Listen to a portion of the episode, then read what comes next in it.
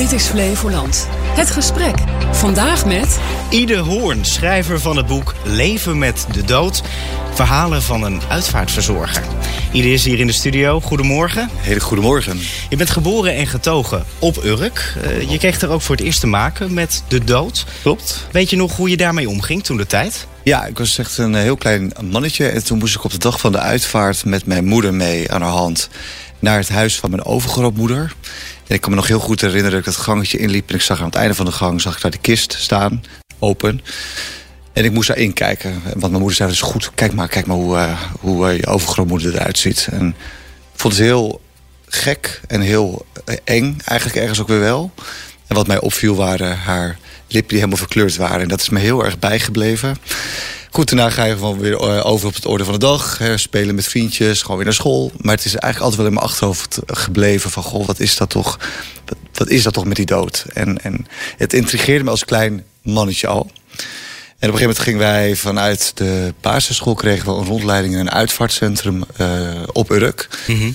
En daar werd dat weer aangewakkerd, die interesse. Dus we kregen een rondleiding, mochten in de koeling kijken. We zagen de kisten, de rouwauto's. Dat vond ik zo interessant. Maar op dat moment vond ik mezelf te jong om daar iets mee te doen. Of iets, maar ja, nee. ja je dacht toen niet van nou, ik uh, nee. word begrafenisondernemer als ik later groot ben. Nee, nee, helemaal niet eigenlijk. Maar het is wel ergens zo in mijn hoofd gaan zitten. En ik heb het al die jaren gewoon daar, daar laten zitten. En op een gegeven moment werd ik, uh, ben ik gaan vliegen. Ik ben negen jaar gevlogen als steward. En na negen jaar vliegen dacht ik wel van... oké, nu wil ik iets anders. Nu wil ik echt iets anders gaan doen in mijn leven. En toen kwam toch die uitvaartwereld weer op mijn pad. En toen vielen eigenlijk alle puzzelstukjes op zijn plaats van... ik dacht, ja, dat, dat moet het zijn. Ja, maar je zat dus in het vliegtuig, je ja. was steward... je ging de hele wereld over. Hoe kom je dan weer terug bij de uitvaartondernemer zijn? Ja, negen jaar gevlogen. En ik heb in het laatste jaar heel erg gezocht... oké, okay, welke richting ga ik nu op? Blijf ik vliegen? Of ga ik inderdaad kijken van uh, welke, hè, welke sector past dan bij mij? Toen mocht ik een aantal dagen meelopen als uh, uh, in een ziekenhuis... op een operatiekamer in het verpleeghuis. Op een gegeven moment ook naar, en mocht ik met een uitvaartondernemer mee op pad. En toen dacht ik, hé, hey, maar dit is het. Dit voelt, dit, dit, is, dit past bij mij. Dit moet ik gaan doen. Dat is een goede zet geweest. Van jou of van die uitvaartondernemer? Of beide. Want ik, oh, ja. ik, ben op haar pad gekomen, zij op mijn pad gekomen. En, en, en, door het ja. meekijken met haar en hoe zij het deed, dacht ik wel van ah, wat gaaf, wat bijzonder wat zij doet. Wat deed ze dat op een traditionele manier, zoals we het allemaal kennen, met uh, nou ja, de kerk, uh, begraven koffiecake na afloop? Ja, ik ken inderdaad, ik kende tot toen alleen maar de traditionele uitvaart. Ik ben natuurlijk opgegroeid in een, in een dorp, waarbij de uitvaarten toch wel wat traditioneler nog zijn. Ja, en vanuit de kerk bijna iedereen, kan ik me zo voorstellen. En allemaal begraven, dus dat, dat ja. kende ik ook vanuit mijn jeugd. Toen mocht ik met haar mee en uh, over het eerst naar een crematorium. En de twee uitvaarten die ik heb bijgewoond met haar waren absoluut geen traditionele uitvaarten. waren eigenlijk uitvaarten uh, op een niet-standaard uitvaartlocatie. Dus niet in een aula van een begraafplaats of crematorium. Maar uh, één was in een kroeg en de ander was in de buitenlucht. Dus dat was al heel anders. En daarbij was er veel live muziek en er werd, werd eigenlijk... Het leven werd gevierd. Uh, ja, maar dacht ja. jij toen niet, uh, tjonge jongen, wat is dat voor uh, ontraditionele toestand hier? Nee, vanuit nee, je nou, eigenlijk wel vanuit de ervaring als steward. De negen jaar die ik heb gevlogen, heb ik natuurlijk best wel veel van de wereld gezien, maar ook allerlei culturen wel uh, van dichtbij meegemaakt.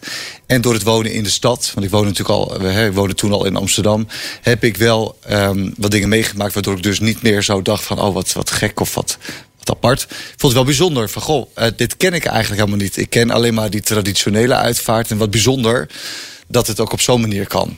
Is, ja. dat, is dat dan ook eng dat, je, uh, nou, dat het niet volgens de manier gaat waarop je het gewend bent?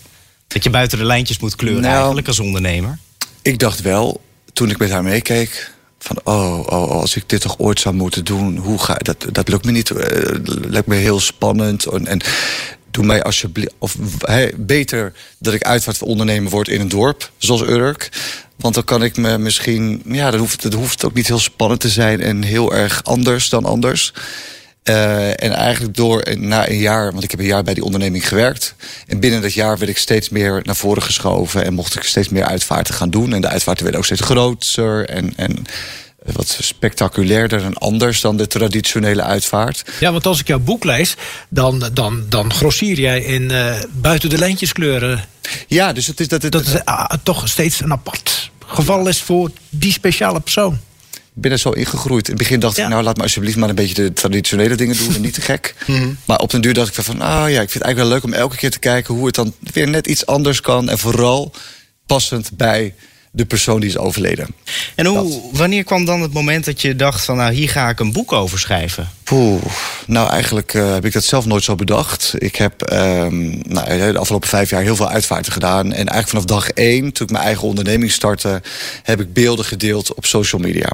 Dus op Instagram, op Facebook, op LinkedIn.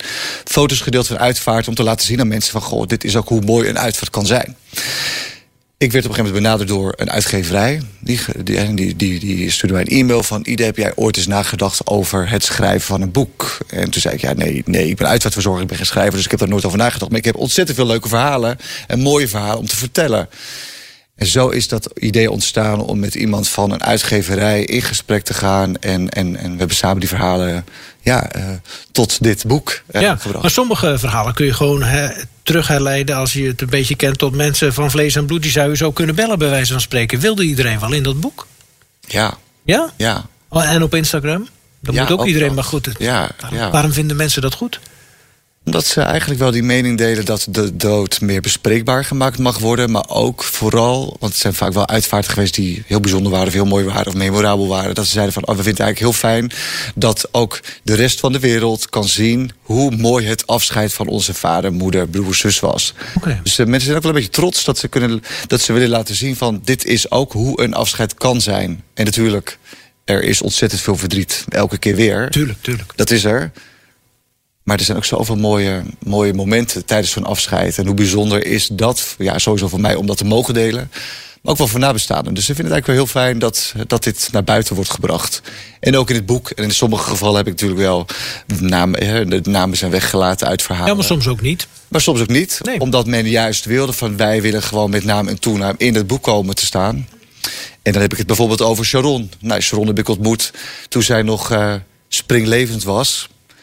Uh, maar zij wist wel, ik ga over niet al te lange tijd dood. En we hebben heel veel gesprekken gevoerd. Um, dus er is ook een band ontstaan tussen haar en mij. En zij gaf ook aan van ja, als ik straks ben overleden, dan wil ik op de dag van mijn overlijden dat jij een foto post, zodat ook iedereen weet dat ik ben overleden. En op een gegeven moment heb ik heb haar ook verteld over het boek. Toen zei ze ja, mm -hmm. wil je ons verhaal, mijn verhaal met jou ook in het boek meenemen? Nou, eh, ja, zat je er dan eigenlijk alleen maar bij voor de formaliteit? Ik bedoel, ze had alles al een beetje uitgewerkt wat ze wilde op haar ja, uitvaart. Maar ze heeft mij het vertrouwen gegeven dat ik dus dan degene uh, moest zijn om dit daadwerkelijk ook. Te, hè, dat, dat, dat, dat alle ideeën samenkwamen op, op, op die dag. Dus zij gaf aan van, joh, dit zijn mijn wensen. Ieder, dit is het draaiboek. Doe wat je moet doen om mijn wensen uit te laten komen. Want ja, ik ben er zelf niet meer bij. Dus. Nee, natuurlijk, ja. ja. Zijn, we begonnen even met de traditionele uitvaarten... met uh, kerk en begrafenis, zoals je het kent van je jeugd op Urk. Nou, de sky is the limit. Als je je boek leest, al die verschillende begrafenissen en uitvaarten... die je hebt uh, begeleid. Kom je nu ook mensen tegen die... Ja, die eigenlijk niet zo'n zo idee hebben, niet zo creatief zijn. En, en heb je dan wat liggen? Absoluut. Ja, hoe werkt Eigenlijk ga ik altijd heel, als mijn telefoon gaat, en die kan natuurlijk elk moment gaan, ga ik daar heel blanco in. Ik ga bij die mensen aan tafel zitten en al vrij snel hoor ik wat de wensen zijn. En dan maakt het helemaal niet uit of dat heel groot is of juist heel klein. Pas geleden was er een mevrouw overleden, die had één buurvrouw en dat was de enige nabestaande. Uh, dus het afscheid was heel klein. Dus het was zij, uh, de overledene en ik. En zij gaf aan, ja, mijn, mijn buurvrouw was ontzettend dol uh, op de Amstel, op het water, op bootjes. En, en ja, dus we zijn wel met een boot naar het crematorium gegaan. En ondanks dat er dus alleen maar die buurvrouw op die boot zat en ikzelf... werd het wel weer een afscheid, hoe klein dan ook... maar wel weer passend bij... Mm -hmm. Ja, ja, ja. Daar ben je altijd naar op zoek. Altijd. Maar altijd. kunnen mensen jou nou ook bellen... als ze gewoon een traditionele uitvaart willen... met uh, gewoon de kerkbegrafenis, koffiecake... En dat vind ik nou zo mooi aan mijn werk, is dat ik elke keer weer word verrast. Want ik weet nooit bij wie ik aanbel. Ik weet nooit wat voor soort uitvaart het gaat worden. Uh, een Rooms-Katholieke uitvaartmis, een protestantse kerkdienst of een, een, een, een, een Surinaamse uitvaart. Het zijn elke keer zulke verschillende uitvaarten. En dat maakt mijn vak ja, daar word ik heel blij van. Daar word ik echt heel blij van. En ook allemaal te lezen in jouw boek... Uh, Leven met de dood, verhalen van een uitvaartverzorger Iederhoorn. Dank voor dit gesprek. Het gesprek gaat even met vakantie, maar we zijn terug in januari.